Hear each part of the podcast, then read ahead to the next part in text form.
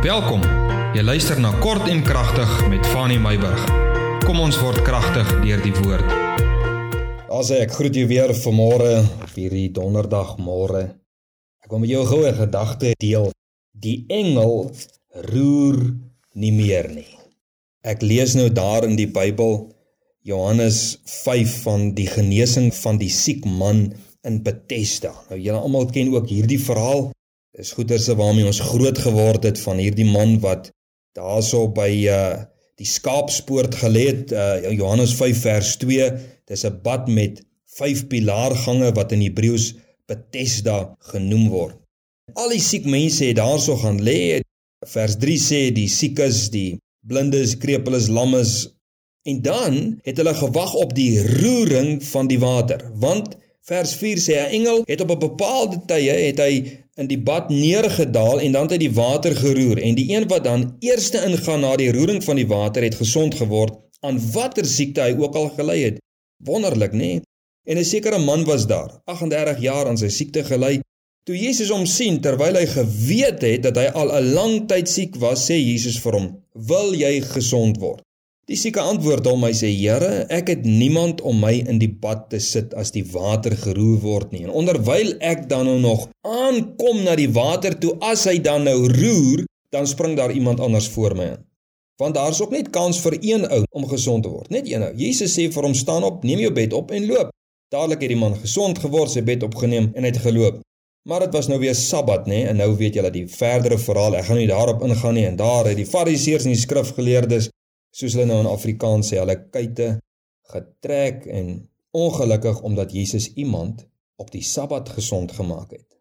Wat 'n hartseer verhaal, hoe hy eintlik nou eindig, nê? Fantastiese verhaal, maar kyk hoe hartseer eindig hy nou. Nou, hierdie is nou 'n wonderlike verhaal, nê, maar weet jy, vir my is daar soveel vraagtekens binne in hierdie verhaal. Jy weet, jy kan nou met 'n osse waan met 'n paar osse kan jy nou gemaklik draai binne al hierdie vrae van my.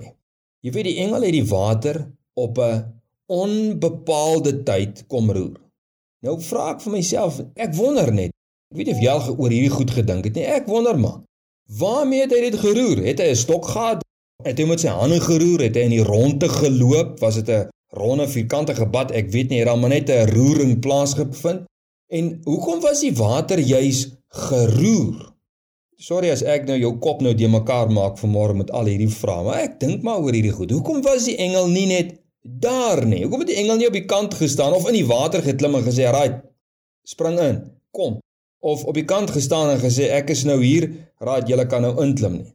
Nogtans is dit wonderlik dat mense genees word as hulle dan in die water klim. So hierdie water het nou verander op daai oomblik van gewone badwater, swemwater, afkoelwater na genesende water. Wonderlik dat 'n oude kan inklim en jy's gesond.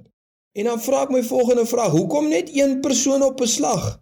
Ek meen die water word mos nou geroer. Spring nou soveel as moontlik kan inspring en almal ontvang genesing. Jy weet, al is dit nou vir 1 minuut wat hy roer of 5 minute wat hy roer, maar die oomblik as hy roer my maat, in is jy as daar 50 ouens lê, maak sommer almal gesond, jy weet. Want ek meen hierdie ou wat nou hier lê vir hoeveel jaar? 38 jaar.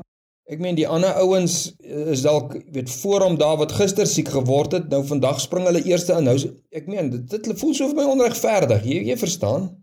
So die die kans is daar. Spring sommer nou almal in, jy weet. En nou nou vra ek, het die siek mense en hulle families dalk nou rondom hierdie bad beurte gemaak om wag te hou om te sien as die water roer? Ek meen daar was baie mense. En ek meen jy kan mos nie 24 uur wakker lê nie. So was daar nou mense wat nou saam met hulle gewag het. En dan die mense kon ook nou nie vir tyd en tye aan mekaar in die water gelê het nie om nou maar te wag nie, want dit was seker ook maar lang tye tussenin, jy weet, ou kan nou nie heeltyd in die water lê nie. Ek sê maar net vir myself, wie, dit sal almal wonderlik wees om net daar te wees as die water roer, net net om dit te sien, hoe gebeur dit? Nou vra ek ook, het hulle die engel gesien? Fisies of sy teenwoordigheid net ervaar. In geval dit moes aanskoulik gewees het. Jammer as ek jou nou op hierdie vroeë nigtere maagoggend nou soveel vrae moes aanskou. Miskien het jy antwoorde vir al hierdie goed. Vir hier en daar is daar 'n verklaring. Jy weet maar, dis maar al die dinge waaroor ek nou maar wonder. Vir my sou dit nou wonderlik geweest om dit te sien. Maar wie meer wonderlik, jy weet, as 'n engel wat die water geroer het. Meer wonderlik as daai engel daag Jesus toe nou op by hierdie pad. Jesus sien die baie siekes wat wag vir die water. En Jesus weet presies oor die engel en die water en kan jou al hierdie vrae beantwoord en my vrae beantwoord wat ek nou gevra het en wat ek nou in jou kop gesit het want Jesus is God. En die engel het 'n opdrag in die hemel ontvang en hy reageer net op die horlosie en op die opdrag van die hemel. Jy weet die engel luister nie na die geroep van die mense nie. Die engel het vrede met die mense, met hulle geroep, met hulle elende. Hoeveel engele wonder ek? Kyk kyk jy sien, hier kom nou nog 'n vraag. Hoeveel mense wonder ek het nou vir die engel nie dalk gevra, luister hierso, roer nog 'n bietjie langer. Jy weet, kan ek nie op my inspring nie. Jy weet, kan ek nie jou arm draai nie. Ek ek is bereid om te betaal daarvoor. Maar die engel luister nie na die mense nie, die geroep van die mense, die ellende van die mense nie. Hy het nie simpatie met hulle nie. Hy roer nie die water sommer nog 'n keer en nog 'n keer en nog 'n keer nie, net een keer vir een persoon. So asof die engel nie 'n hart vir mense het nie. En hier kom dit nou. Want dit is presies net soos dit is. Engele.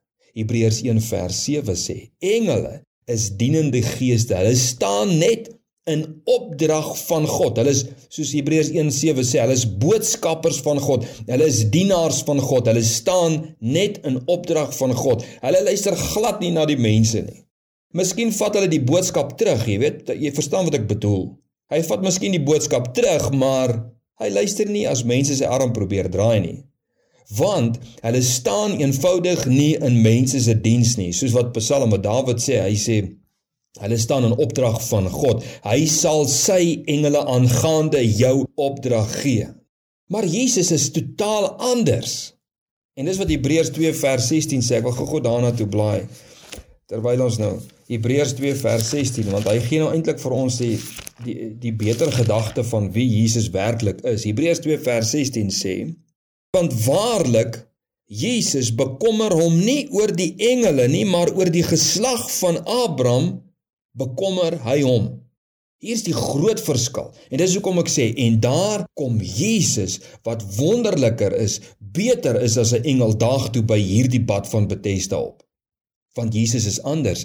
Jesus bekommer hom juis oor die geslag van Abraham, oor met ander woorde mense, nie omdat hulle die geslag bloedlyn, maar omdat hulle mense is. Jesus bekommer hom oor mense. Nie net oor hulle fisiese welstand omdat hulle daar om die bad lê nie, maar ook oor hulle siele. Want Jesus is aangestel om op die mens te fokus. Dit was Jesus se sending. Die Engelse sending was totaal anders.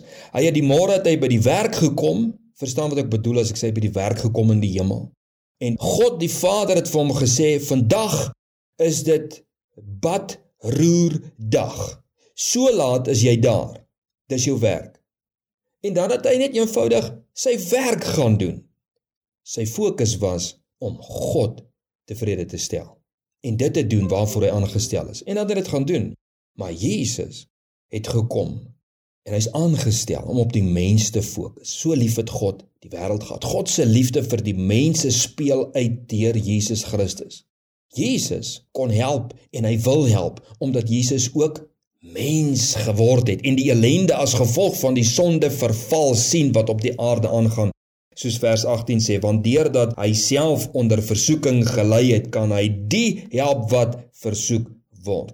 Dis die verskil tussen Jesus en die engel. Daarom kind van die Here sê ons vanmôre.